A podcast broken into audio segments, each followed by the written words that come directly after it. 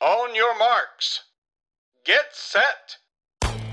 Välkommen till Maratonlabbet, en podcast om löpning med mig Johan Forsstedt och Erik Olofsson.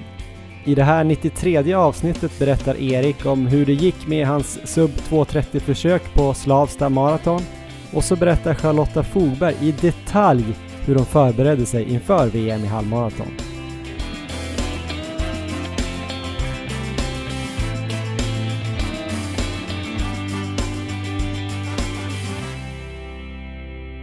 Ja, välkommen till avsnitt 93 alltså av Maratonlabbet som har lite av en bonusavsnittskaraktär om det nu är ett ord. Vi släppte ju ett avsnitt förra veckan och kommer även med ett ordinarie avsnitt nästa vecka igen. Men Erik Olofsson, vi kände ju att vi såklart måste gå igenom hur det gick för dig här i Slavsta Marathon i Uppsala i söndags där du skulle springa under 2.30, årets kanske smalaste målsättning. Det blir kul att återuppleva igen va? Jättekul. jo då, det blir bra. Ja, som grädde på moset har vi också pratat med Charlotta Fogberg som ju blev bästa svensk på halvmaraton-VM förra helgen. Vi har verkligen nördat ner oss i både hennes förberedelser inför den här tävlingen och då i prestationen under själva loppet. Det blir som en eh, riktigt nördig race report från Charlotta och vi får väl hoppas att vi lär oss något av de här två race reportsen. Eh, jag tycker faktiskt att vi börjar med dig Erik. Eh, som sagt, eh, du skulle springa under 2.30 i Uppsala i söndags. Jag tycker att du får ta över här lite grann så kommer jag komma in med lite inspel och frågor. Absolut, då hoppar vi tillbaka till den 18 oktober. Och vädret är ju viktigt när man ska springa maraton, så vi kan ju börja där. Och på morgonen så var det kallt och blåsigt, så runt 3-4 eh, grader och cirka 5 meter per sekund. Så det såg ju ganska tufft ut, men egentligen inte sämre än när jag sprang i april kände jag. Så jag var liksom inte knäckt över det. Jag tyckte det var helt okej okay och eh, hoppades ju mycket på att vi skulle ha en riktigt stor klunga länge. Skovalet hade varit en fråga innan och där landade jag till slut på Vaporfly och inte Alphafly. Så det kändes mm. som ett eh, säkrare val. På start eh, så snackade vi ihop oss lite på förhand eh, i eh, sub 230-gruppen. Vi hade två farthållare, Viktor Smångs och Henrik Engström. Det var lite oklart hur länge de skulle köra, men vi siktade på två jämna halvor, så halvmaran på 1.15 blankt var planen helt enkelt. Ska jag bara få tillägga en grej här då? Jag kom på att det kan ju finnas eventuellt någon nytillkommen lyssnare och då vill jag bara säga att vi startade den här podden 2018 och då hade du PB på 3 och 11, men det var ett ganska gammalt PB och 2017 sprang du maraton på typ 3.15, 3.16. Ja, precis. Så nu att springa under 2.30 här eh, bara två och ett halvt, tre år senare måste ju anses som en bedrift om du nu skulle klara det. Vi får höra här i Race Reporten. Ja, vi får höra hur det har gått. Jo, det har ju, det har ju gått snabbt alltså. Det är kul att tänka, tänka tillbaka där på första säsongen. Ehm, så då hade man ju aldrig kunnat ens drömma om det här, men, eh, men nu var vi där i alla fall och eh, precis innan start så kom jag på att jag glömt att tejpa klockan. Planen var ju där att jag inte skulle behöva se pulsen och inte få splittiden utan liksom bara kunna ligga där bakom hararna och glida med. Ehm, jag stod eh, där vid starten och insåg ju att tejpen låg kvar i väskan. Så då, ja, då är det kört och jag visste ju att eh, det finns inte en chans i världen att jag inte kommer snegla på klockan. Så jag gav upp de planerna på en gång. Starten gick och det tog väl någon kilometer innan vi hade en klunga samlad med farthållarna framför. Det verkar nästan alltid bli så att alla går ut i lite olika fart och sen så blir det som att man återsamlas efter en, två kilometer. Det var ju samma sak där på Vindbromaran i april när du var med också i klungan. Just det, och där du sprang på ditt eh, nuvarande personliga rekord som är 2.38.04? 2.38.02, precis. Ah, sorry. så det märktes snabbt att vi blev en klunga på 10 personer som gick för sub 2.30 inklusive farthållarna. Så det var en lite mindre klunga än jag hade hoppats på på förhand. Jag tror många hade reviderat sitt mål lite grann där innan start. Men det var jag, det var Hannes Bjärnhagen, Hiding, Nils Wetterberg, Marcus Wall med flera och första milen kändes riktigt bra. Jag låg i mitten av den här klungan. Vissa partier var klart blåsare än andra, så kilometertiderna varierade rejält. Det var några som var nere på liksom låga 3.20 och några var över 3.40, men eh, vi låg ändå stabilt eh, i tempo. Pulsen var helt okej, okay, så jag var inte över 165 och vi passerade där eh, 10 km på 35 och 30, så det var perfekt farthållning, klungan samlad med alla 10 personerna med och du sprang med där en stund Johan och filmade. Hur såg det ut då tyckte du? Kändes det kontrollerat? Ja, men hela klungan kändes väldigt majestätisk och kontrollerad. Ni bara liksom marscherade fram fast i väldigt hårt tempo. Det var lite småjobbigt att springa med faktiskt där i 3.33 fart kände jag. Det är otroligt snabbt för ett maraton. Ja, alltså det är ju snabbt men när man ser filmerna sen så ser det så otroligt långsamt ut. Det är så störigt. Eh, så alla filmer som du la upp där, det ser, ut att gå så sakta, men eh, det är väl så när man springer maraton. Eh, mitt vätske och energiupplägg var sådant att jag tog vatten efter 7 km första gången och sen var fjärde kilometer hela loppet, så en gång för varje varv, för varven var ju ja, lite drygt 4 kilometer. Och när jag fick vatten där, då hade jag langning, så jag fick en flaska som jag sen kunde springa med 200 meter för att senare lämna över den. Och från start hade jag också med mig två gel i fickan. Den första tog jag efter 11 km och den andra efter 19 km. Så jag tog de gällen strax innan vattnet så att jag kunde springa och eh, inta gällen sakta och inte behöva liksom stressa i mig den. Och sen så hade jag vattenkontrollen precis efter så att jag inte behövde springa med massa gel i munnen sen. Eh, det fungerade klockrent så långt och sen så hade jag tre gel till som jag sen skulle få langade under loppet. Men så eh, bara för att grotta ner sig lite i det här och vi kommer säkert återkomma till det men två gel på första halvan egentligen och det var gel, alltså jag tror det var Mårten vad du körde med. Ja, precis. Så typ 25 gram kolhydrater per gel, så 50 gram på första en timme och 15 minuterna. Ja, stämmer. Och inför då, tog du någonting precis inför loppet eller skippade du det? Du sa ju senast att du inte skulle ta någonting inför starten där. Ja, den här gången skippade jag det, utan jag tänkte att jag skulle börja inta kolhydrater lite längre in i loppet helt enkelt och inte börja från början den här gången. Det är lite så mm. jag kört på träning. Fram till halvmaran så började några släppa, så klungan började tunnas ut lite grann. Och vid 19,5 km så såg jag att du hade filmat och lagt ut på Instagram igen. Och då var mm. vi sex stycken kvar. Vi hade en hare, Viktor Smångs. Vi passerade sen halvmaran som planerat på exakt 1.15.00, så det var riktigt snyggt. Och då då kändes det väldigt bra. Jag hade en positiv känsla. Det kändes som att det skulle kunna vara möjligt att fixa målet. Jag var lite orolig över att klungan började spricka och blev mindre och mindre och jag visste ju inte hur länge Viktor planerade att köra, men då kändes allt bra. Och jag kommer ihåg att jag tänkte då där halvvägs att det här kan ändå gå vägen. Och därefter så började det gå ut för. och då... Så fort du tänkte det här kan gå vägen, superjinx, ja. och så la du ner. Sant. Så, så då gick det ut för och då inte banprofilen då utan eh, allt bara. Eh, det började med att vid eh, cirka 22 kilometer så kom det plötsligt en stormby med riktiga så här ishavsvindar. Det var alltså hagel från ingenstans. Och det hade ju varit blåsigt innan, men inte sådana här stormvindar. Och vid det laget var vi fem kvar i klungan. Det var Viktor, det var jag, det var Hannes, det var Nils och Alexander Åsberg. Och jag skulle få en gäll strax efter som jag skulle kunna ta då innan vattenlangningen. Men där hade det blivit missförstånd så jag fick aldrig den. Eh, så vi gick sen in i det här partiet med den värsta motvinden på banan och nu var det inga fem meter per sekund längre, nu var det snarare 15. Eh, alla försökte gömma sig in där bakom Viktor som fortsatte göra ett eh, riktigt fenomenalt farthållningsjobb. Lite svårt att gömma sig bakom honom bara. Han har ju en stor mustasch så att, eh, ja, det tog lite vind på sidan.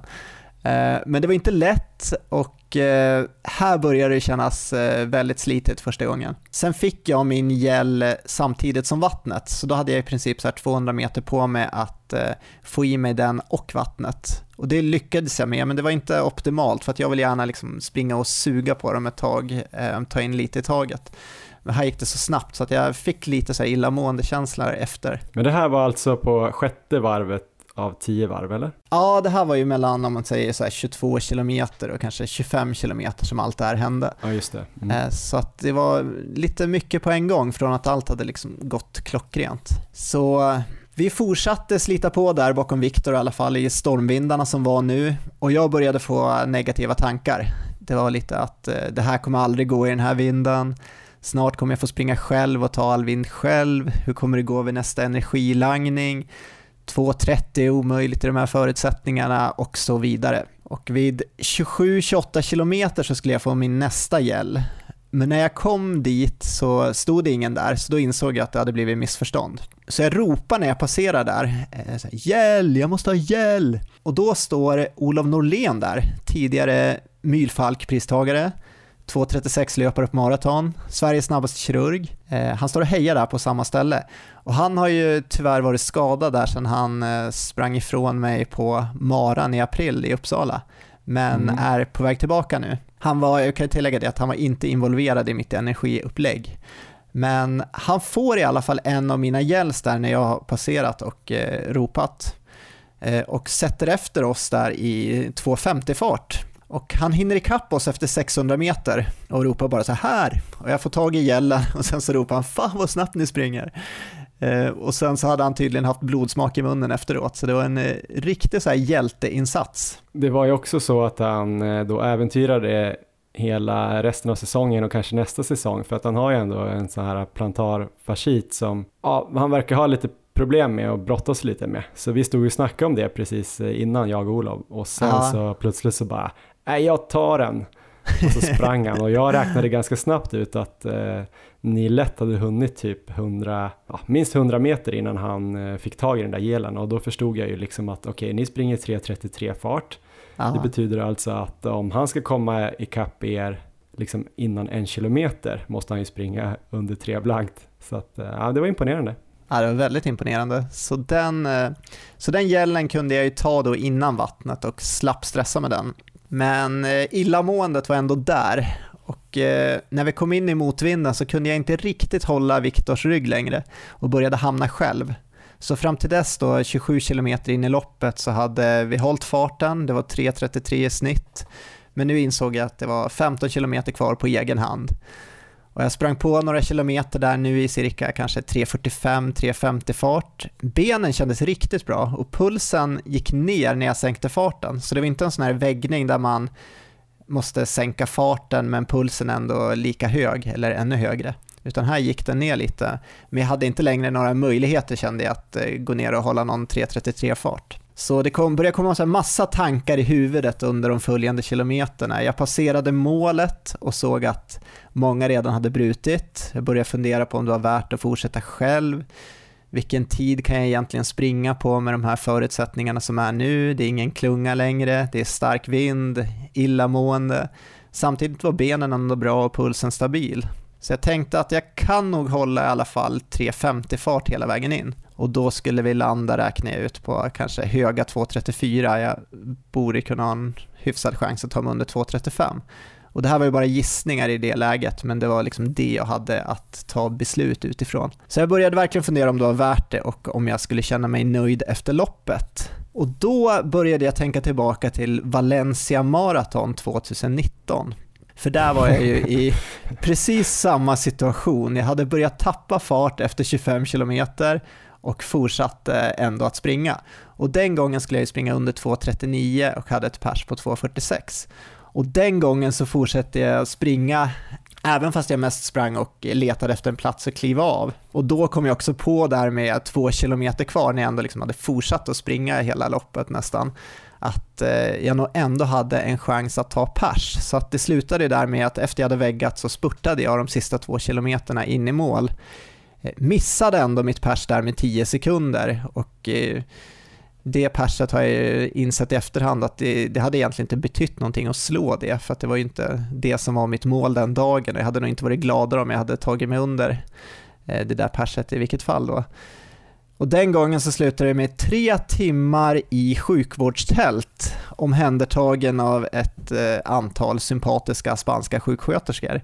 Och det följdes ju upp sedan med en promenad där genom gatorna i Valencia. Det var du och jag Johan som gick där två kilometer tillbaka till hotellet. Eh, för mig kändes det som att gå två maraton och eh, du gjorde ju en heroisk insats där och eh, nästan bar mig så här mentalt för att jag skulle ta mig vidare. Jag låg ju där stundtals på parkbänkar och gräsplättar i mina splitshorts, mitt alpakalinne. och Jag tror jag hade aluminiumfilt över mig och sen så här en spypåse i handen. Ehm, jag tror jag räknade till eh, sex eller sju spyor under den promenaden tills vi till slut hittade en taxi som körde oss den sista biten. Så eh, det, det, var ju en upplevelse och efter det loppet så utvärderade vi ju när det egentligen var värt att bryta. Och jag var ju inte skadad nu, jag kunde springa vidare så det var inte det som var problemet. Så det var mer om jag skulle vara nöjd med att springa in där på höga 2.34 eller 2.35 och eh, ta ut mig på den nivån igen. Och när jag sprang och tänkte på det så kände jag nog ändå att jag inte skulle vara det. Bra tid helt klart och eh, ändå ett eh, pers, men det kändes som att jag skulle kunna göra bättre på en bra dag. Och det här var eh, liksom inte längre en bra dag. Men eh, det som var helt avgörande och som gjorde att jag till slut bröt loppet efter 33 km var att jag visste att jag var anmäld till MLM maraton fyra veckor senare. Så att bröt jag bara loppet i tid så skulle jag kunna ta det här loppet som ett riktigt bra kvalitetspass, eh, inte bli så sliten och ladda om fyra veckor senare, förhoppningsvis med bättre förutsättningar. Svårt att i slutändan få mycket sämre förutsättningar än det var denna dag. Det där kanske var en jinx. Men eh, jag har ändå varit där på banan och kört säkert tio kvalitetspass under den senaste perioden och ingen dag har varit i närheten av lika tuff vädermässigt som den här. Så efter 33 kilometer strax eh, efter att jag en gång till tagit den här värsta sträckan med motvinden helt själv så eh, klev jag i alla fall av, stängde av klockan och började gå. Och det var med väldigt blandade känslor. Först kände jag mig jättebesviken på mig själv att jag inte kunde vara mentalt starkare och bara mata på längre i tänkt fart. Jag var ju aldrig nära att plocka fram de här eh, förlossningsvrålen från förra maran till exempel. Så kändes det svagt när man såg att eh, folk fortsatte kämpa på medan jag själv gick där bredvid banan. Så att eh, det var en väldigt stor osäkerhet om jag hade tagit rätt beslut eller inte. Sen var det lite dåligt samvete eftersom tanken var ju också att jag skulle springa mer i 245-klungan på MLM och hjälpa till där med lite farthållning om jag nu hade återhämtat mig från den här maran då. Så eh, det var lite, det var lite så loppet slutade för mig där. Mm. Det var ganska snopet Erik, ja. som åskådare måste jag säga. Hur, eh, hur upplevde du det där? Nej men det gick så himla väldigt fort eh, allting, som nu ja. när du berättar här. Det var ju liksom från att det såg ut att vara ett ganska kontrollerat tåg och där du såg bra ut till att du liksom plötsligt bröt. Så kändes det liksom. Eh, fast det var ju nu när du berättade, det var ju nästan en mils löpning där emellan. Ja. Men eh, jag kommer ihåg att du, det måste ha varit det där sjätte varvet när du började känna dig lite sliten. Då såg jag i ögonen faktiskt att du var lite tröttare än du var tidigare. Då tror jag att du hade missat en gel, eller om Just det var då du tog och då hade du ropat lite så här äh, desperat efter hjälp precis innan och då märkte jag att du inte var eh, riktigt lika lugn längre. Och ja. det var ju också det där, eh, den där stora stormen som kom in snabbt. Jag fick ju den på video, höll nästan på att fälla Andreas McConville som vann loppet samtidigt för att jag skulle få en schysst video och så bara kom han bakifrån och hur snabbt som helst. Men lyckades väja för mig, jag ber om ursäkt Andreas om jag tog ner tiden där några sekunder. Men, eh, men det var bara så här snabbt och du, som du sa att den där gruppen bara löstes upp. Det var ju någon som ramlade bort för varje varv kändes det som och så helt plötsligt kändes det inte som att chansen fanns. Men då kände jag ändå typ att du hade ju ändå chans på en superbra tid. Eh, och sen som jag kommer ihåg det så jag blev väldigt paff och chockad där när du något varv du får väl säga själv vilket varv det var och vilken kilometer det var för jag kommer inte ihåg exakt. Så jag sprang med dig lite grann och försökte peppa på dig men du bara sa sådär Ska jag bryta Johan? Ska jag bryta? Ska jag bryta och springa igen om tre veckor? Jag bara va? Du ska väl inte bryta Erik? Du är Erik. Du gillar ju det här. Det är det här du springer för. För att komma in i den mörka zonen och plåga dig igenom. Du kommer ju ha en jättebra tid. Liksom. Jag tänker du har gjort 2.38, du gjorde 2.46 i fjol. Jag tänker du hade ju fortfarande chans där då på 33-34 tänkte jag då i alla fall. Ah. Så jag blev lite så här paff och jag, vi hade ju inte snackat om det innan. Jag visste inte ens att det fanns en möjlighet att du tänkte att du skulle ha en till chans om fyra veckor. För jag var så inställd på att eh, att du skulle fixa 2.30 i söndags och sen skulle du vila upp dig och hjälpa mig och, och må många andra till 2.45 då.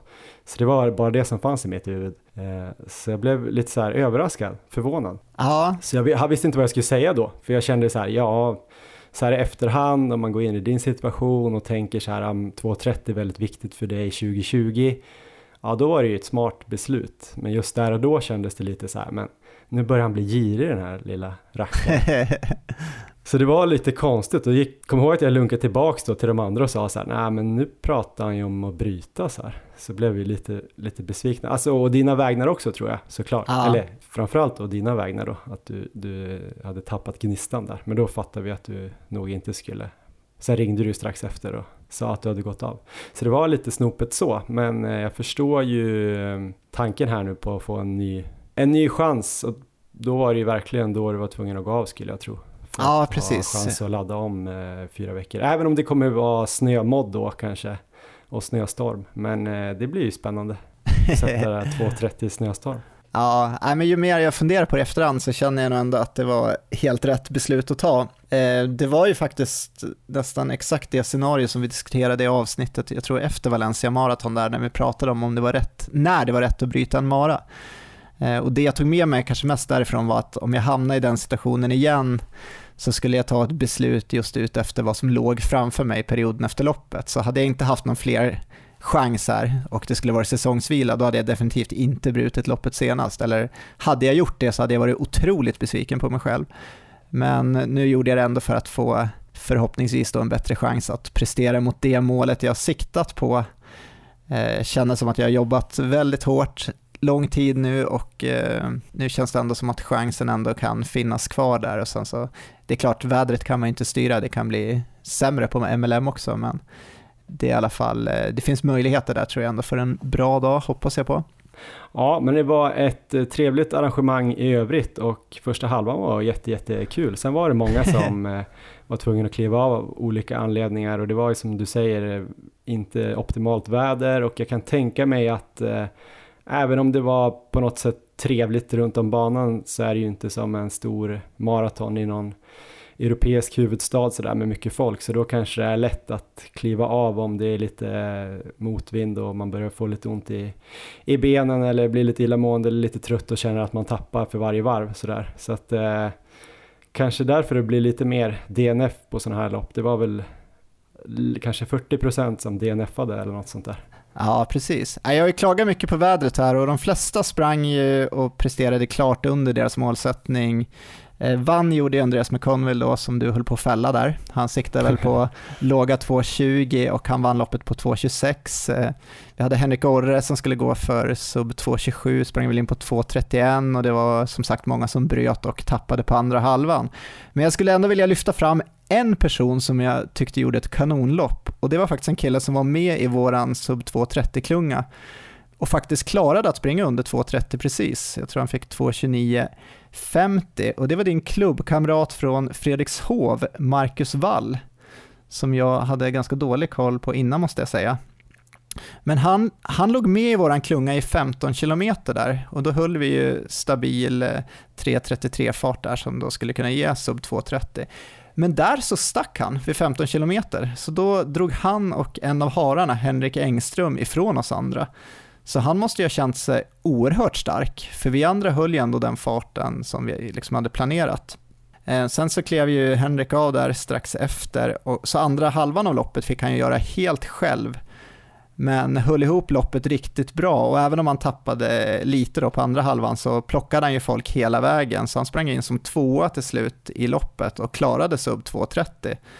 Och den, det känns som den insatsen måste ju motsvara så här 2.25, 2.26 under normala förhållanden. Så det var Kan det bli bragdguld? brutalt starkt. Bragdguld till Marcus Wall helt enkelt.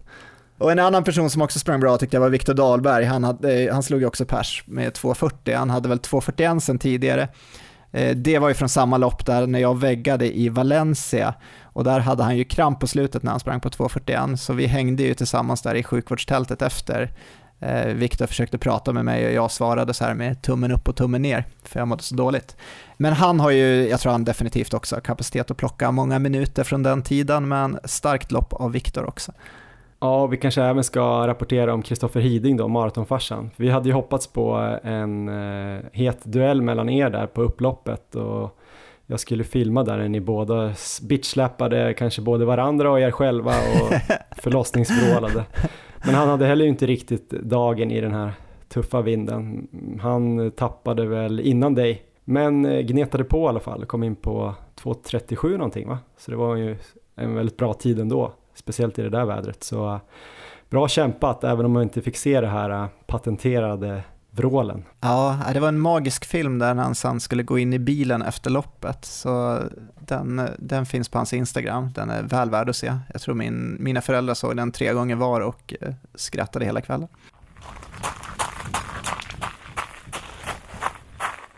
Ja, det var din race report på ditt första försök eh, på 2.30 om man ska se det så. Nu ska vi gå vidare och dra igenom lite eh, info om våra samarbetspartners. Vi kan börja med Löplabbet tycker jag. Det är ju en butik, eller åtta butiker och en webbutik dit man ska gå om man vill hitta riktigt bra löprelaterade prylar. Man kan ju också få väldigt, väldigt bra hjälp där eftersom alla som jobbar där springer själv och vissa springer på väldigt, väldigt hög nivå också. Men de säljer ju inte bara löpgrejer, de gör andra saker också. Till exempel så kan de göra i vissa butiker då löpteknikanalyser som vi också var inne på då lite i förra avsnittet och nu har jag varit på Kungsgatan i Stockholm på löplabbet där och eh, gjort en sån här löpteknikanalys eller man ska väl säga att det var två kameror, ett datorprogram och Olof Södergård som gjorde den här analysen. Spännande. Kamerorna filmade mig i lite olika farter och sen så fick jag ut en massa olika information angående ja, mitt steg helt enkelt och eh, energieffektivitet och vad jag var för typ av löpare. Olof Södergård då är ju ja, idrottsforskare kan man väl säga. Han jobbar på löplabbet men han är också testledare och träningsrådgivare på eh, RF, alltså Riksidrottsförbundet och hjälper ju bland annat David Nilsson väldigt mycket när David brukar vara ute på Bosön där och springa i olika sådana här klimat. Han kan ju springa i syrefattigt luft och i varm luft. De har ju massa olika grejer där. Så att eh, Olof har koll på vad han gör. Det här testet på eh, löplabbet Kungsgatan gick ju till så då att vi gick igenom testet innan, sen fick jag springa på ett band och i, vi körde tre olika farter och filmade ungefär i 45 sekunder tror jag på varje fart. Jag fick springa lite längre men sen satte han igång den och jag kände mig liksom bekväm i den farten. Så då körde vi ju då 4.37 eh, fart som är då kanske lite snabbare spannet i min distansfart men ja. ändå distansfart. Sen hamnade vi på 3.45 som är då ja, mittemellan tröskel och maratonfart skulle jag säga. Och sen så körde vi en då överfart som var ja, typ 5K-fart i 3.20 då. Ja. Så skulle vi se då hur jag, hur jag sprang i de här olika farterna och vad jag eventuellt kunde förbättra då. Vi ska gå igenom lite hur det här testet gick för mig då, men vi kanske kan eh, få en sammanfattning först eh, och så ser vi om vi ska grotta ner oss lite mer. Men eh, jag gjorde en liten kort ljudinspelning här där Olof fick berätta vad han tyckte om mitt steg och vad jag kunde jobba med. För att sammanfatta dagens liksom resultat ska jag säga att eh, borde tänka lite mer på hur du springer beroende på ja, hastigheten och syftet med träningspasset. Som vi ser att du springer ganska likvärdigt oavsett eh, hastighet nu då med en väldigt kraftfull stil, ehm, dock effektiv.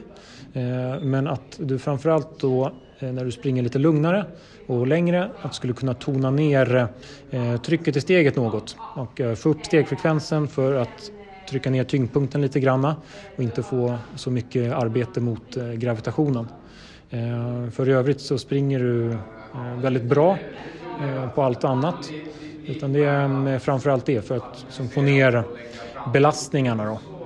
Eh, för eh, om du ska springa långa sträckor så är det onödigt att du springer som en 800 meters löpare på distanspassen. Och att det förmodligen skulle då kunna också jämna ut eh, de här eh, obalanserna som vi ser, att du belastar eh, klart mer på högersidan där du också har haft bevisligen mycket problem med också. Att det skulle kunna jämna ut det där och få, ja, få bukt med problemen på ett bättre sätt helt enkelt. Få bort de här kraftiga sidorotationerna. Har du några bra tips på hur man får upp frekvensen? Är det liksom en tankegrej? Ja, en tankegrej eller man kan använda sig av eh, nutidens teknik. Oftast eh, dagens löparklockor har en accelerometer inbyggd i klockan eller i pulsbandet så att man lätt kan kolla av det och se det live under tiden och eh, styra, av, eller styra det så att säga. Titta, se, känna, eh, uppleva hur det är, reflektera, utvärdera, jobba med det. Eh, för det är, det är ingenting som går över en natt utan det kommer förmodligen kännas ganska konstigt i början när man kortar ner det. Man kanske spänner sig lite mycket i baksidorna till att börja med. Men eh, över tid så bör det ge effekt. Så antingen det eller satsa på medeldistans? Ja, eh, jag skulle säga för det är nästan skippa maraton och börja med 800-1500. Ja, Erik, eh, jag har inte lärt mig något på två och ett halvt år. Ja. ja, det var ganska exakt vad vi fick höra senast också, fast då var det bara en fart å andra sidan. Så jag tyckte det var spännande här att uh, du sprang i olika farter nu då. Men du mm. springer mm. i princip då ganska lika i alla farterna, är det korrekt? Ja, jag verkar göra det, att jag har uh, i princip samma steg. Sen så ökar ju frekvensen lite grann, eller kadensen hur man nu säger på löpning, men stegfrekvensen lite ju snabbare jag springer. Så uh, jag fick, några av värdena blev lite bättre ju snabbare jag sprang. Jag, var, jag tror jag var mest effektiv i den här 3.45-farten. Alltså okay. någonstans ja, lite långsammare än anaerob tröskel. Så att där verkar jag vara effektiv. Sen tappade jag lite effektivitet i 3.20-fart. Jag trodde det skulle bli ännu bättre för att jag skulle få liksom, eh, ja, jobba med mitt steg och den här elasticiteten ännu mer. Men jag antar att jag är lite för um, ovan, dels att springa på löpan men också i springa i 3.20 fart. Jag har inte gjort det så himla mycket under året så att uh, där tappade jag lite men det stora som man kan eh, dra, den stora slutsatsen är ju att jag springer fortfarande lite onödigt kraftfullt som en medeldistansare helt enkelt. Och eh, framför allt då på distansen bör jag väl tona ner det här eftersom om man nu springer, vad ska vi säga, 70, 75, 80 procent av alla sina kilometer i distansfart så är det onödigt att eh, ligga med ett sånt eh, kraftfullt steg. Så det blir väl till att börja räkna lite ännu mer på stegfrekvensen när jag är ute och springer och tona ner. Vi var inne i det vi var inne på det i det här distansavsnittet som vi hade där vi pratade lite med Fredrik Selén också. Just det. Att eh, jag skulle försöka springa med samma steg men tona ner allting. Har du lyckats ändra någonting sen, om vi ser tillbaka då två år, när det, om vi tar till exempel just det med kadensen då på distanspassen, har det, har det varit svårt att eh, tona ner ditt steg? Hur har du upplevt det och har, du, har du någon koll på om du har blivit, om du har fått lite högre kadens helt enkelt?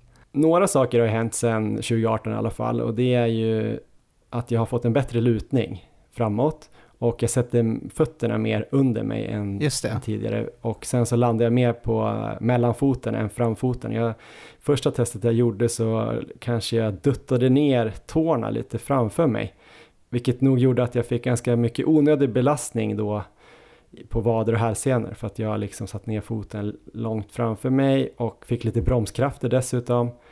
Eh, vilket var lite onödigt och sen så var jag ganska upprätt och nästan tillbakalutad med ganska stolt hållning och ut med bröstet vilket gjorde att jag svankade lite grann. Det såg ju mycket bättre ut i, igår. Eh, så jag har ändå justerat några bitar där och det har jag faktiskt jobbat ganska mycket på och tänkt ganska mycket på när jag har sprungit. Eh, sen frekvensen då i distansfarten tycker jag att det är svårt att komma upp i över 170 men jag försöker faktiskt under någon del av varje distanspass ändå räkna så att jag får upp det där för att då blir det liksom att jag hittar en annan rytm och försöker tona ner steget. Och, så jag har nog kommit upp kanske så här 4-5 steg i minuten men eh, det kanske finns eh, möjlighet att eh, justera där ännu mer. Eller bevisligen gör det ju det. Ja, men det är spännande, jag ska också göra det här testet ganska snart nu så det kommer ju vara helt andra resultat där och helt andra saker att jobba med.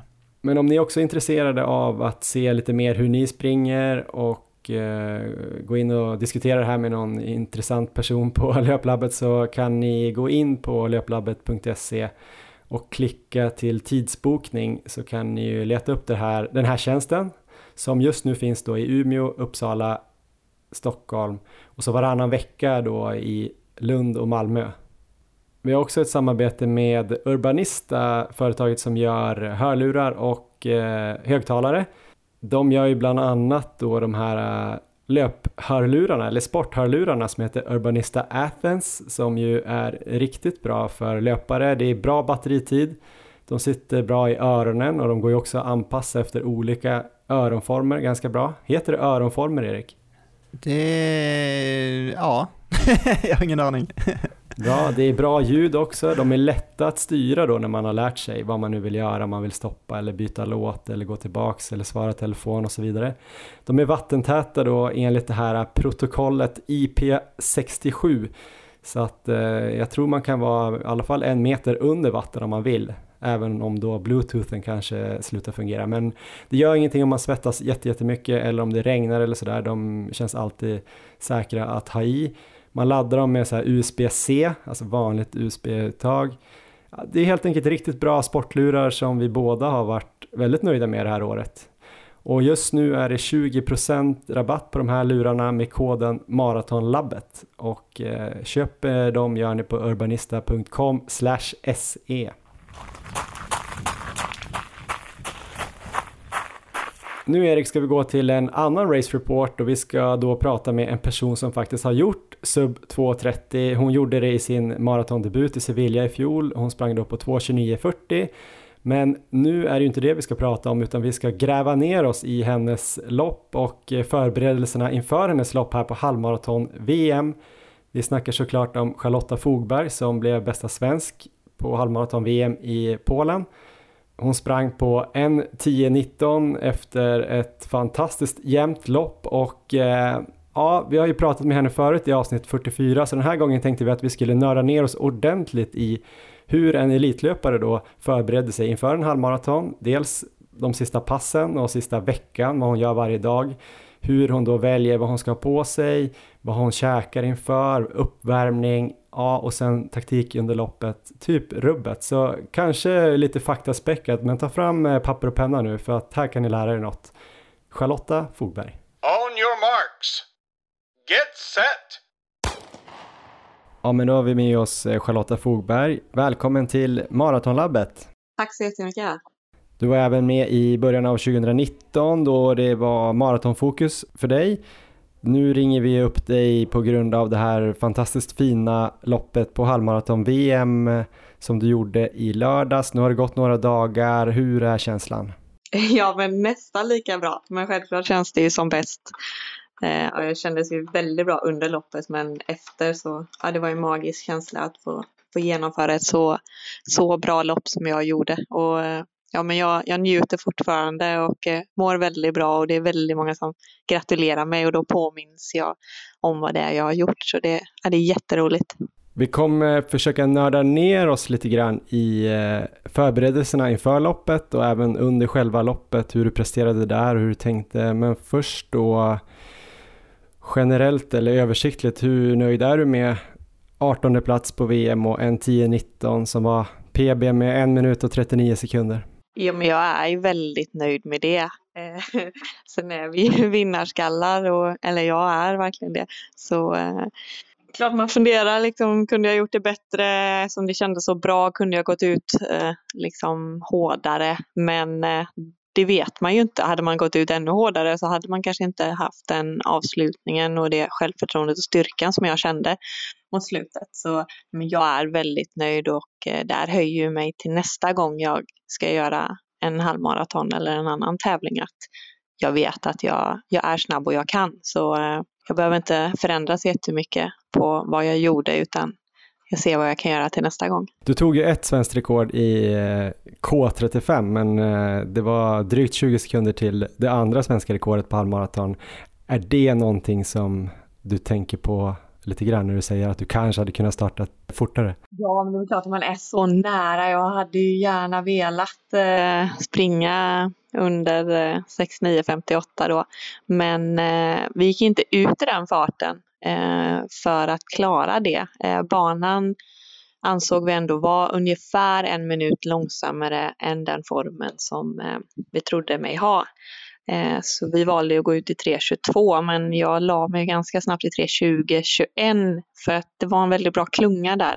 Mm. Eh, och det är väldigt bra att springa i klunga. Det är det man får överväga om man ska springa ensam eller om man ska jaga nästa klunga framför. Eller man vill ju helst inte dra klungan bakom utan det är bättre att ligga längst bak i klungan framför nästan. Jättebra. Jag tänkte vi ska återkomma till det, men vi ska ta det lite kronologiskt här eh, inför loppet om det är okej okay, och nörda lite. Det är ju det vi mm. gillar bäst att göra. Du kom ju ut från eh, sommaren här med väldigt bra form måste du ha gjort. Du vann ju halvmaraton-SM. Nu hoppar jag över lite jättebra lopp också, men du gjorde fram, framförallt en fantastisk prestation på Lidingöloppet, eh, 15 där du satte eh, banrekord och vann. Mm. Åkte du direkt sen till Sankt Moritz eller hur såg det ut? Jajamän. jag, eh, jag hade ju varit i Sankt Moritz tre veckor innan, i tre veckor. Jag var i Sankt Moritz tre veckor, hemma tre veckor och eh, på tidig morgon på söndagen eh, efter Lidingöloppet så åkte jag till Sankt Moritz igen i tre veckor. Så då hann du vara där ja, nästan tre veckor, för det är väl det man brukar säga att man behöver vara där, eller hur har du upplevt det tidigare? Du har ju varit på väldigt många höghöjdsläger. Ehm, jag är väldigt van vid att åka på träning, eh, höghöjdsläger.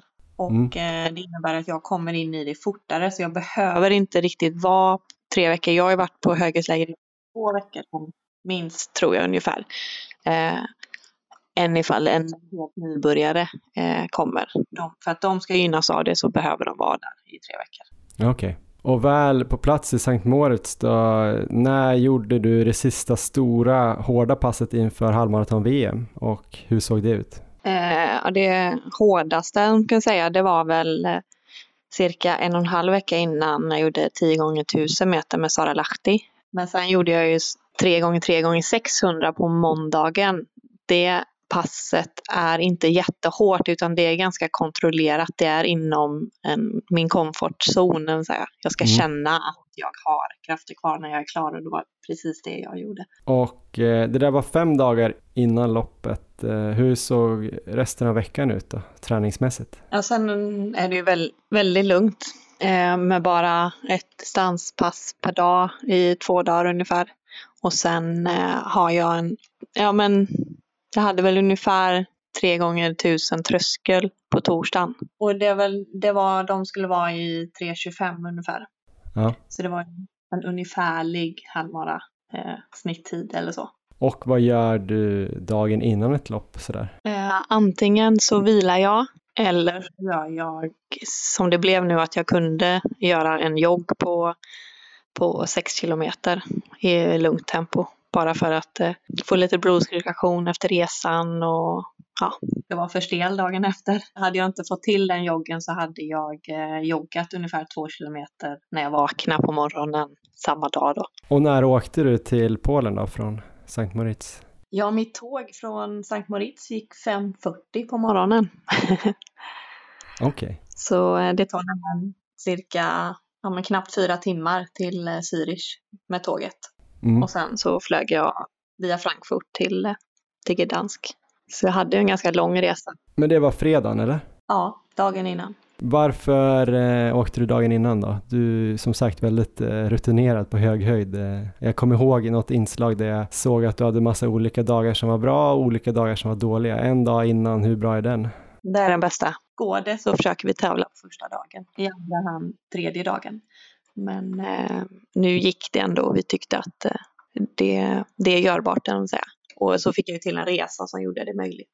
Om man går in på lite så kost och nutrition och sådär, man får ju mycket, eh, som motionär kan man ju läsa, ja, jag vet inte, tusentals artiklar om hur man ska ladda de sista dagarna och vilka eventuella kosttillskott som kan ge någon procent hit och dit. Hur, eh, hur gör du med kosten, säg då två och en dag innan loppet? Eh, när det är en halvmara så börjar jag ungefär en dag innan med men en, en kolhydratladdning.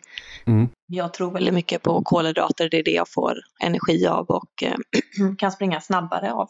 Eh, och försöker undvika fiber och eh, inte så mycket protein för det behöver jag inte. Så det är mycket ris och banan och sportdryck eller juice dagen innan och även till frukost då.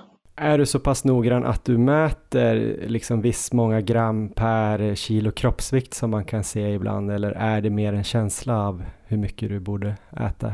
Jag fick hjälp av Stefan Pettersson, SOKs dietist inför eh, VM i Doha Aha. med en kolhydratladdning. Och eh, då har han ju mätt upp ungefär vad jag eh, ska få i mig. Och ja, men då är det ungefär eh, 130 eh, gram okokt ris till lunch och 150 gram till middag. Eh. Sen har jag kollat att men 150 gram är ungefär en och en halv deciliter. Så jag är liksom inte übernoggrann så. Eh, Det står till och med 128 men eh, ja, nej så, så noggrann tycker jag inte att jag behöver vara och jag menar är jag fortfarande hungrig dagen innan jag ska tävla, men då, är, då tar jag en, kanske en extra banan eller eh, lite mer ris eller något annat. Så. Just det. Finns det någonting annat du tillför i kosten? Alltså nitrat i form av ja, antingen rödbetsjuice eller tabletter eller eh, ja, spenat eller liknande. Rucola är det många som jobbar med. Är det någonting som har funkat för dig? Jag äter ju väldigt mycket spenat ja, men, och gröna blad eh, vanligtvis, men inte dagen innan. Och eh, rödbetsjuice har ju då till exempel Stefan då sagt till mig att det behöver inte jag. Utan det är bättre med kolhydraterna och sportdrycken och, och men, juicen.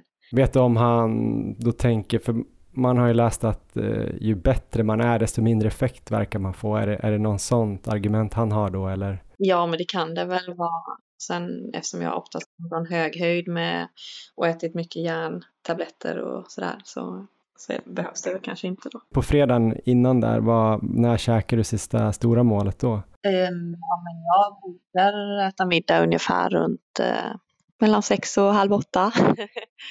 och sen så äter jag även eh, em, fruktmüsli och eh, fruktyoghurt eh, precis innan jag går och lägger mig inför eh, de längre loppen också. Och sen då, eh, hur mycket brukar du försöka sova natten innan? Brukar du sova bra inför sådana större lopp? Det är ganska olika, men eh, jag sov väldigt bra den natten i, inför. Och det kan ju ha varit för att jag var eh, kanske lite trött efter resan och att det var mycket intryck. Vi var ju tvungna att göra covid-test när vi kom fram och så här. Så eh, nej, men jag sov bra och jag försöker hålla mig till eh, om jag sover ungefär runt nio timmar. Eh, jag brukar inte sätta klockan om jag inte behöver, men eh, när jag ska gå upp ungefär vid kvart i sju då, då måste jag göra det för det är inte liksom säkert att jag, att jag vaknar då. För det är då ungefär som jag vill äta fyra timmar innan. Så frukost blir ungefär fyra timmar innan och vad består den av då? Ja men då eh, det är ungefär eh, en och en halv, två portioner havregrynsgröt eller en blandning av ris och, och havregryn. Eh, för havregryn innehåller en del fiber eh, och jag vill inte ha så mycket fiber och ibland blir det bara ris. Och så är det, ja men det är mjölk och så gärna när det är tävlingsdag så tar jag gärna en, en eh, kaka eller något med socker i det. Det gör, gör nog fint. Får ännu mer energi. Och så dricker jag sportdryck och så äter jag banan. Och sen då när det börjar närma sig loppet, när ät, fyller du på ännu mer typ med energi eller sportdryck eller något eh, inför loppet? Eh, tar du koffein till exempel? Ehm, jag dricker sportdryck. ehm, ja, men det är min dryck liksom innan. Jag dricker inte så mycket vanligt vatten innan loppet utan jag dricker sportdryck för att jag ska vänja mig och för att jag ska ladda lite. Och eh, två timmar innan start så brukar jag äta en eh, pre-sport från Enevit. Eh, Mm. Och eh, ibland en banan och är jag mer hungrig än en bar. Men där får jag liksom styra om jag är hungrig eller inte och hur nervös jag är eller så. Och jag, och jag är trygg med att all, jag behöver liksom inte proppa i mig för jag vet att jag har energi. Jag är nästan hellre lite, lite hungrig än för mätt när jag startar. Mm. Och koffein är det i eh, mina gels och liquids som jag börjar ta ungefär en, kanske en timme innan. Ja, spännande. Sen tänker jag att vi ska gå in lite på, på det du har på dig på ett lopp innan vi går in på själva loppet. Men eh, du sprang i Adidas eh, Adios Pro. Hur Ja. välj, valde, eller varför valde du de skorna? Eh, jag tycker att de sitter väldigt bra och i, jag menar nu för tiden så är, det har ju varit väldigt mycket snack om skor och eh, det är en fördel att springa med de tjocka sulorna med karbon i. Och jag har testat Nike eh, Vaporfly Next Percent och mm. Adios Pro. Men jag tycker att Adios Pro sitter mycket bättre på min fot och så även eh, jag är lite mer av en hällöpare och jag tror att den passar mig bättre. Och jag känner inte jättestor skillnad liksom vad, i vilken snabbhet jag får utav dem. Så jag väljer gärna Adidas Adios Pro. I övrigt då? Alltså du hade små, små korta strumpor och jättesmå byxor och ett linne. Var det självklart? Eh, är det alltid din tävlingsdräkt, typ? Mm, ja, men det är väl lite olika. Eh, strumporna, om de är jättelåga eller om så halvlåga som jag hade eh, var för att det var bara 6 grader och då tycker jag att det är skonsammare och för eh, lederna och hälsenorna att det är lite varmt där än att eh, det skulle bli stelt och kallt. Trosor väljer jag för att om jag skulle behöva gå på toaletten så går det väldigt mycket fortare. Då behöver jag inte ta av mig byxorna. ja, smart. Linne, ja men det var 6 grader och jag eh, snackade med coach att ja, men, det är ingen fördel att bli kall om magen. Det kan röra upp den eh, lite kanske. Och eh, jag trodde inte att jag skulle bli för varm med ett långt linne. Men kan jag så springer jag oftast med en liksom kortare, typ som en sporttopp. Jag vill ha så lite som möjligt som stör. Och sen måste jag fråga, du hade solglasögon? En av få som hade det, om, om det var någon annan, jag vet inte. Och sen såg det ut som att du hade ett, ett näsplåster också. Det måste du berätta mer om. Mm, ja, nej men eh, jag springer gärna med solglasögon och det behöver inte alltid vara att det är... Jag tränar alltid med glasögon nästan. Mm. Eh, jag tycker att det är väldigt skönt. Först, ja men solen då, men även att skydda mig så att jag inte får in något i ögonen som kan störa mig. Jag vill inte ha in insekter eller eh, smuts. Eh, för det kan irritera mig och ta fokus från eh, att eh, springa fort helt enkelt. Och det där lilla plåstret på näsan då? Ja men det öppnar upp näsan. Sen om det liksom är ett plus eller om det är bättre eller inte. Men det känns väldigt skönt för att bara jag andas med munnen när jag har näsplåstret så känner jag liksom att jag får liksom in luft genom näsan också. Och ju mer syre jag kan få desto bättre. Bra, vi vill bara gå igenom alla, alla detaljer. Och sen sprang du med klocka också. Jag vet inte, det är väl lite olika för elitlöpare. Använder du den under loppet eller är det mer för att ha liksom infon efteråt? Eh, ja, men när det är så lite längre lopp så, och vi har bestämt att jag ska ha en jämn fart så har jag gärna den och ser ungefär var jag ligger. Eh, sen får jag inte stirra mig blint på den utan jag måste ju våga gå ifrån den också. Om man säger. Jag menar, om jag har mycket bättre känsla så, så får jag ju trycka liksom. Men mm. det, det, är en trygghet att ha den och sen framförallt efteråt också så det är härligt att se hur, eh, hur jag har sprungit och eh, information till, till nästa tävling som jag gör. Vi kommer in på det alldeles, alldeles strax. Jag tänkte bara fråga lite snabbt om uppvärmning för en halvmaraton. Hur mycket uppvärmning kör du och när börjar du med den och sådär? Mm, jag brukar börja uppvärmning ungefär 35 minuter innan calling. Eh, och då är det ungefär ja, en 3-3,5 kilometer eh, lugnare jogg och så några stegringslopp inför eh, calling och sen så några stegringslopp till när, precis innan start när de har släppt ut oss Just det. på banan. Om så. Brukar calling vara 5-10 minuter innan eller? Ja, det är väldigt olika. Nu hade vi lyxen att det var liksom på vårt hotell och eh, 25 minuter innan var det eh, den här gången och det är ganska lite. Okay. Men det har, det har varit calling 50 minuter innan tror jag, eller om det var en timme innan till exempel i EM i Zürich 2014. Eh, eh, om vi går in lite på loppet också då, som egentligen är det mest intressanta kanske. Du sa ju där att eh, du hade klockan för att hålla lite koll på eh, farten och sådär och det var ju otroligt jämna splittar. Jag vet inte om jag någonsin har sett bättre 5 km splittar. Du hade 1645, 1644, 1643 och 1641. Eh, kommentera det. Det är helt otroligt jämnt och också en perfekt fin liten lätt progression också. Eh, ja, nej men alltså jag anpassade ju inte min fart efter, utefter vad jag såg på min klocka och jag försökte inte Alltså jag försöker alltid springa jämnt. Det, det är ett vinnande koncept för mig att springa jämnt. Men eh, ja, det där är ju löjligt jämnt och eh, jag, har, jag har det naturligt i mig. Så jag har en bra rytmkänsla kanske. Men sen, eh, jag försökte hela tiden jobba framåt och är det någon som ville sticka från klungan så hängde jag med den personen och så jobbade vi oss upp till nästa klunga.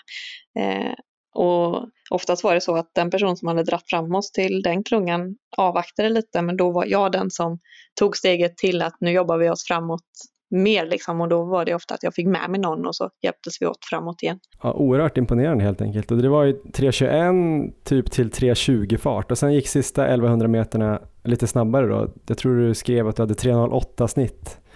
Var det liksom ett eh, perfekt utfört lopp med en kick eller signalerade det att det fanns lite mer att ge? Ja, men det finns ju absolut mer att göra på tiden eftersom banan inte var den snabbaste. Det var ändå en lätt eh, uppför. Typ mm. ungefär som Avenyn i Göteborg i drygt 1,6 kilometer och lätt motvind. Eh, så där vill man gärna ha en rygg. Och sen hade vi några eh, väldigt skarpa U-svängar som gör att du tappar ju rytmen eh, i din löpning. Och eftersom det var fyra varv så fick vi det ju inte bara en gång utan vi fick ju alla de här svängarna och backen ja, men fyra gånger och det var ju fler svängar. Så mm. det går absolut att göra mer på tiden om man kollar på banan och sen, ja men jag spurtade allt vad jag kunde ungefär de sista 800 för att eh, jag hade fått en liten, liten lucka och sen så kom de ikapp nerför. Jag kanske kände mig lite för trygg men när de kom där då tänkte jag nu ger jag mig inte och det spelar ingen roll att det är 800 meter kvar. Nu kör du Fogberg så det var det bara att kuta. och tyckte mig kanske få en liten lucka. De kanske inte var beredd på att man spurtar så tidigt. Och sen så när det var 150 meter kvar ungefär, då kände jag att nu är de riktigt nära, för då har de ju hack i häl på mig. Så då var det ju jag, en ugandiska och en, flera mexikanskor där som eh, fightades. Och tyvärr kom ugandiskan då precis om mig. Men jag lyckades hålla de andra ändå. Det var ju mm. flera mm. där bakom så jag var glad och väldigt trött där just då när jag kom i mål. Det ska man väl vara kanske efter ett halvmaraton om man springer så ja. bra. Eh, du skrev sen någonting om din puls också. Jag tyckte det var spännande. 174 i snitt eh, säger ingenting för mig. Det beror ju på vad du har för maxpuls och sådär. Men 184 som högst och jag fattade det som att det är din tröskelpuls. Eh, vad tänker du kring det? Ja men egentligen på lågland så är det där min subtröskelpuls. Så eh, man springer inte under tröskel på de längre loppen eh, jättelänge. Och jag var väldigt avslappnad och lugn i min löpning så det, är väl, det, gjorde väl det. Liksom. Mm. Eh, att det blev så jämnt. Och den här 184 maxpulsen, det var i första, under första varvet. Så, eh, och det steg inte heller under spurten där? Då? Ja, nej, Eh, den hann väl inte komma upp där då, tänker jag. Kanske var högre efter jag hade tryckt på stopp på klockan. Men eh, om du skulle, nu har vi verkligen gått igenom det här loppet och analyserat det i detalj, men eh, om du själv skulle ta fram tre bra saker som du gjorde inför eller under det här loppet som du verkligen liksom är stolt över och så kanske en sak som har förbättringspotential. Vad skulle det vara? Mm, ja, men det är väl att inför för att jag är noggrann i min träning, vila, eh, återhämtning och kost. Så att eh, jag ska få ut mitt maximala eh, på träning och tävling. Och under loppet så är jag väldigt stolt över att jag vågade eh, hålla en så pass hög eh, fart och vågade att hänga med när någon drog ifrån klungan och sen när man kom fram, när kom fram till klungan att jag var den som visade att vi fortsätter. Vi nöjer oss liksom inte här och sänker farten utan vi fortsätter.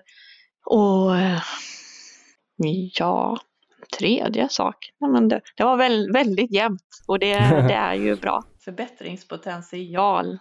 Um, springa lite snabbare nästa gång. ja, ja, det låter som en bra, ett bra mål i alla fall. Lite kort då, du sa nästa gång, är det, vad, hur ser framtiden ut? Blir det fler halvmaror eller är det någon mara-fokus nu? Fokus ligger på att hitta en maraton. Ehm, det är väldigt svårt. Många har stängt ner och eh, många är fulla eh, och de tar inte in fler. Men eh, jag vet att min coach, Johan Wettergren, att han, han jobbar verkligen för fullt för att jag ska få ett lopp i snar framtid. Gärna, gärna i år, men vi får se. Och beroende på hur långt det är till att det blir en maraton så, så kanske vi slänger in en halvmaraton eller en tia. För jag är ju väldigt sugen på springa under 69.58 och jag är väldigt sugen på att springa under 32 på, på milen, vilket jag är kapabel till på båda. Ja, spännande. Valencia då, är det någonting som det går att klämma in någon fler? Jag vet att det är några svenskor som ska dit och springa. Mm, de anmälde sig väldigt tidigt. det gjorde inte jag. Eh, men det är ju en, absolut en tävling som jag väldigt gärna vill springa, men jag vet att det är otroligt svårt att att komma in. Ja, men du får lycka till så får vi väl höra av oss igen någon gång framöver när, när du ska springa eller har sprungit någon mara igen. Det ska bli väldigt spännande att följa. Tack. Tusen tack Charlotta, ha det jättebra. Tack detsamma.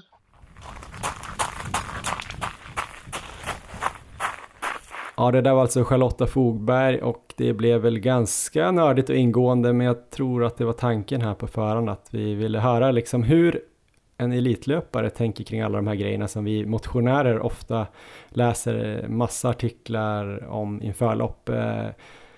Lärde du dig något Erik? Ja, det känns ju som att vi, fick med det mesta där va? Skulle Hoppas vara så här, vilken tid de borstar tänderna kanske, eller något sånt.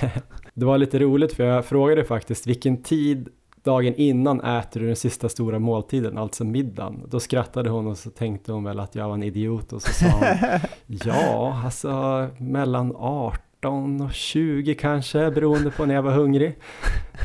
Så att eh, ja, hon kanske inte har de här exakta eh, tiderna. Hon är kanske lite av en um, go with the flow människa också, men hon hade ju väldigt bra koll och väldigt bra strategier och rutiner för det mesta. Och eh, man märker ju att hon har kontakt där med SOK när hon har lagt upp eh, energiplan och sånt där och kolhydratuppladdning med exakta mängden gram ris hon ska få i sig och sådär. Ja. Så att det var spännande. Det jag faktiskt missade att ta med själva intervjun som jag kollade upp, det var om hon tog energi under själva loppet här på halvmaraton. Eh, hon sprang ju i 70 minuter och eh, ja, ibland brukar man väl säga då att eh, vid prestationer över 60 minuter när man kör riktigt hårt så behöver man i alla fall fylla på med någon kolhydrat sådär. Men sen så sa hon då att hon tog en gel vid 4 km, 8 km och då kanske vid 13 km brukar hon göra. Det var ändå lite mer än vad många andra elitlöpare gör, tror jag i alla fall. Så det var lite intressant. Ehm, vad tänker du om det Erik, på halvmaraton? Det överraskade mig att det var så många. Jag vart överraskad när jag kollade på när Kamvoror slog världsrekord på halvmaraton i Köpenhamn, det var väl förra året, och han tog en gäll halvvägs. Ehm, för det trodde inte jag de gjorde. Han springer också, han sprang på 58 där, så även under en liksom så kort arbetstid så intog han gäll. Och Charlotta tar alltså in tre stycken, det har jag inte hört förut. Jag har ju, jag har ju själv tagit en gäll under mina halvmarer i år. Hur mycket har du tagit? Ja, men jag brukar också köra någonting halvvägs faktiskt. Eh, jag, nu i Bålsta så tog jag sportdryck eh, halvvägs så det kanske var en, två deciliter som jag fick i mig då och eh, vilket då motsvarar väl ungefär en gel. Men jag kände kanske att det blev eh, lite, lite den här gången. Jag tror kanske att jag skulle haft utrymme att ta lite mer. Och sen kan man ju också tänka på att de här elitlöparna som springer väldigt, väldigt snabbt och väldigt, väldigt hårt och nära sin VO2 max, möjligtvis så bränner de ju kanske lite mer av sitt eh, sparade, de sparade glykogendepåerna i musklerna. Så det är möjligt att de kan ha behov av att ta lite mer, men eh, jag tycker ändå att det låter lite mycket. Däremot ska vi också då poängtera att vi inte på något sätt tror att vi vet bättre än Charlotta Fogberg och SOK. vill jag bara säga. Men det är vad vi har hört tidigare så lät det lite mycket. Det, sen beror det också på, jag tror inte att det är något negativt eh, att ta mer heller, men det är väl mer om man känner att man har tid och inte tappar liksom kontra, koncentration och fokus på det, då kan man väl ta hur mycket man vill antar jag. Men det är ju alltid lite grann att man ska få tag i den och äta den och sen tycker jag att kanske pulsen stiger lite och känslan blir lite jobbigare just när man har ätit. Sen kommer man ju ner igen och sen så får man den här kicken lite senare så att eh, ja, det var ju uppenbarligen en bra strategi i Polen. Ja, verkligen. Ja, men det, det kan ju vara något att prova, att eh, kanske testa två i alla fall nästa gång. Det tror jag jag ska göra faktiskt. En annan sak som jag tyckte var intressant, det var just de här direktiven hon hade fått att eh, hon inte behövde ta rödbetsjuice. Att mm. De hade sagt att eh, det skulle nog inte hjälpa så mycket för henne. Jag undrar vad anledningen egentligen var där, för jag tänker det är ju många ändå på riktig elitnivå som tar tillskott. Vi har ju Kipchoge till exempel som tar bars med rödbetor i helt enkelt för att få den nitratet. Um, så det hade varit spännande att gå kanske lite djupare in på varför de har gett henne de direktiven. Mm. När jag frågade henne så kändes det inte riktigt som att hon hade ett väldigt tydligt skäl mer än att han, SOK kostrådgivaren Stefan Pettersson hade sagt att hon inte behöver det, citat. Ehm, men eh, det kan ju vara så att hon är en sån här eh, non-responder, det har man ju läst om, att vissa Aha. inte får den här effekten av nitratet och sen har man ju också hört att ju högre VO2 max man har desto mindre effekt får man av nitratet. Så att det kan ju vara så att hon, det ger så lite och att hon då känner att det inte är värt och hon kanske inte gillar just rödbetsjuicen. Sen sa hon ju att hon åt mycket sådana här gröna blad, alltså rucola och spenat och sånt där. Sen är det frågan om hon käkar så stora mängder så att det blir lika mycket som de här rödbetskoncentraten eller, eller pillrena eller vad man nu ska göra. Men det var ju spännande. Men hon har väl känt att det inte ger henne någonting. Får vi se dig Johan i ett näsplåster på MLM? Näsplåstret vet jag inte. Det var ju väldigt eh, inne ett tag bland fotbollsspelare kommer jag ihåg. Var det ja. Robbie Fowler som bland annat körde det va? Ja det Den stämmer. Liverpool-anfallaren. Det var ju som att alla skulle köra näsplåster och att det skulle vidga då näsborrarna så man skulle få i sig mer syre. Men ja, mig veteligen så får man i sig tillräckligt med syre oavsett. Det är inte där flaskhalsen finns riktigt. Att man får ju alltid i sig så mycket. Jag tror man bara använder typ 25% av det man andas in i varje andetag. Resten går bara runt. Rätta mig om jag har fel, men jag tror man får tillräckligt med syre. Men sen kanske det är en skön känsla att det känns sådär öppet och att eh, man verkligen kan andas in. Jag vet inte, vad tänker du? Ja, men jag tänker att eh, om det som Charlotta beskriver, att hon känner att det liksom eh, vidgar lite och hon får en positiv känsla av det, då, eh, då är det väl inte fel att ha det. Jag menar, det, det lär inte bli sämre av det och eh, allt som kan ge en positiv känsla under ett halvmaraton eller ett maraton är väl bara att köra på. Och det kanske hjälper i slutändan. Ja, riktigt bra lopp i alla fall blev det av den där förberedelserna. Jag tror nästan att hon känner att hon prickade allt perfekt även om hon eh, hade gärna slagit det där svenska rekordet. Eh, nu får vi se Erik om det blir något nytt halvmaratonförsök eller milförsök eller om det blir någon mara för eh, Charlotta Fogberg här framöver. Hon är ju väldigt sugen på att hitta någon mara här för att kunna kvala till OS och då krävs väl i alla fall åtminstone 2.28. Sen får vi väl se om det räcker ens. Man ska väl vara topp 8 också i ett stort lopp, eller vad tror du om Fogbergs chanser? Jag tror hon har väldigt bra chanser att springa under 2.28 nu och sen så vet man ju aldrig med de där uttagningskraven om det sen kommer räcka i slutändan men eh, med det hon visade där i Polen så eh, tycker jag eh, chanserna måste vara jättebra. Mm. Det är en speciell situation vi har nu för att eh, OS i Tokyo som nu ska gå 2021 och nästa sommar och de har ju sagt att det verkligen ska bli av. Men samtidigt är det ju lite så problematiskt nu med så få lopp att kvala i och att de, många lopp verkar vara fulla redan. Eh, Charlotta sa ju själv där att hon har ju inget lopp eh, inbokat och hon vet inte vart hon kan komma in. Jag vet att jag tror Hanna Lindholm har en liknande situation där hon inte har något lopp inplanerat och inte har någon plats. Valencia maraton då, om det nu blir av, går ju i början av december och där vet ju vi att Carolina Wikström ska springa. Ja. Och eh, även Sanna Mustonen ska springa. Eh, det är ju två Christian Munt-adepter och eh, Sanna Mustonen kommer nog göra ett toppenlopp där men eh, jag tror att Carolina Wikström kanske kommer vara lite, lite snabbare. Där såg jag ett inslag på SVT Sport där eh, Christian Munt snackade om 2.25, 2.26. Tror du att hon är i den formen Erik? Du som springer med henne ibland. Ja, men jag tror just på maran så tror jag att hon faktiskt kan göra det eh, på en bra dag i Valencia där.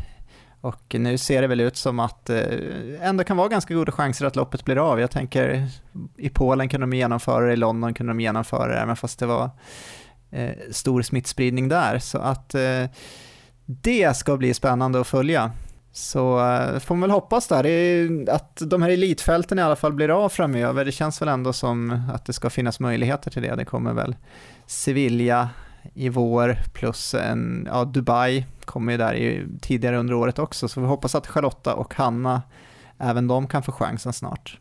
Ett annat intressant maraton som ju kommer här framöver är ju MLM maraton som eh, nu går av stapeln om mindre än tre och en halv vecka. Eh, där ska ju då eh, jag springa under 2.45 är det tänkt och tydligen du då Erik under 2.30. Ja, det börjar närma sig. Ja, det gör det och eh, min målsättning den här gången eh, det kommer bli tuffare för mig nu, för att nu nästa lopp kommer jag ju säkerligen få göra helt själv utan klunga och farthållare. Så att jag har väl redan kanske börjat fundera lite på att eh, gå ut lite lugnare än jag gjorde senast. Och eventuellt sikta in mig på att gå ut kanske en 16 istället och eh, se hur det känns helt enkelt. Så jag ska inte säga lika stenhårt den här gången att jag kommer kanske gå efter 2.30 utan nu blir det mer att försöka göra en så bra tid som jag bara klarar eh, just den dagen. Springa lite smartare helt enkelt. Hur känns det för dig då? Jo, men det känns ganska bra tycker jag. Jag känner ingen riktig press på mig faktiskt och jag vet att du vill ju att man ska ha en målsättning som man ska kunna dö för. Men jag känner att jag strävar efter 2.45 och det skulle vara fantastiskt om jag klarar det. Men jag, jag känner att eh, jag ska bara göra en, en bra prestation det där, eh, det där loppet och gå in med samma inställning här som Bålsta halvmaraton. Att se det som en rolig utmaning och ett kul lopp och roligt att man kan springa sådär. Det låter ju eh, väldigt, kanske både klyschigt och lite så här för glatt. Men jag tror jag kommer vara nöjd med 2.48 och 2.50 också men inte, jag kommer inte gå in med den inställningen, men du förstår vad jag menar. Jag Absolut. börjar, kanske ska ha mina A, B, C, D, E, F, G, H, I, J, K, L, M, mål. Nej, men det ska bli kul. Jag börjar bli laddad. Det har ju gått bra i träningen och jag har några viktiga pass den här veckan. Jag ska springa 6 gånger 3 kilometer i marafart med en kilometers flytvila här i morgon tror jag det blir och sen på söndag ska jag väl göra mitt sista riktigt stora långa långpass där jag tänkte göra 30 till 32 kilometer då i 95 procent av eh, marafart. Så det blir intressant och då ska jag också testa en eh, ordentlig energiplan faktiskt. Jag har börjat tänka ganska mycket på det här med energiplan för jag har ju några adepter som ska springa MLM maraton också så jag har mejlat ja, dem och bett dem verkligen vara noga nu inför loppet här och testa exakt vad de ska få i sig dels då kanske någon dag innan loppet men även Eh, inför loppet och under loppet. Och, eh, så jag har lyssnat på lite poddar och sådär om kolhydrater och eh, även nitrat och koffein och kanske beta-alanin, vad vet jag. Tänkte också då, vi skulle tipsa om ett eh, avsnitt som vi har gjort som är avsnitt 36 som vi gjorde första säsongen där inför Frankfurt Marathon. Som var riktigt nördigt om de här bitarna det tror jag kommer lyssna på igen några gånger nu för att verkligen lägga den här planen. Sen är det väl det där som nu snackar du om att du blev illamående lite grann under det här loppet när du fick i dig en gel lite för snabbt. Ja. Eh, sen finns det ju också en aspekt då som är kanske svår att veta vad som är vad. Det är ju att man kanske kan bli illamående eller få magproblem av energin man tar in under loppet. Men det finns ju också den här tanken att man kanske blir illamående när man kommer i för låg energi och får för lågt blodsocker, alltså det som gör att man bonkar. Ja. Så det är svårt också ibland att skilja på vad är vad. Det kan ju bli så här, jag blev så illamående, det måste ha varit den här nya gelen jag testade. Men sen så bara, men du tog inte så många gel, så det kanske är för att du tog för lite gel. Så det där är svårt. Så att eh, det blir väl till att testa nu och jag känner kanske att jag borde ha börjat testa ännu tidigare.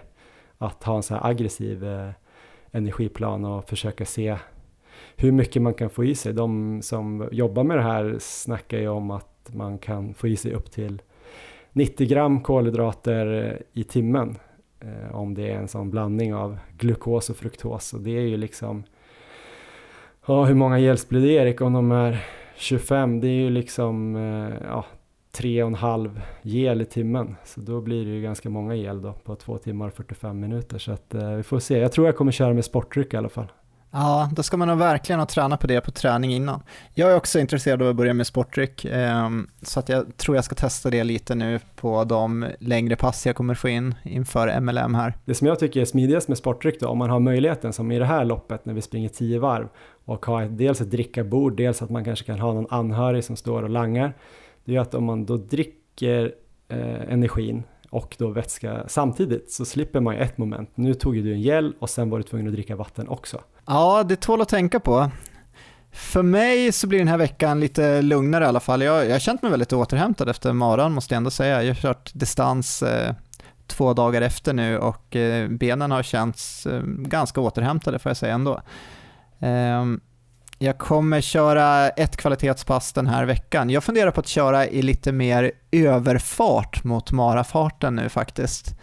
Jag har mm. känt att uh, uthålligheten känns som jag har väldigt bra. Det känns, alltså benen känns ju väldigt bra även när jag kliver av loppet här senast, men det känns som att jag måste bli lite bekvämare helt enkelt att springa i den här tänkta marafarten och jag tänker då kanske om jag jobbar lite mer i överfart nu och lite kortare intervaller.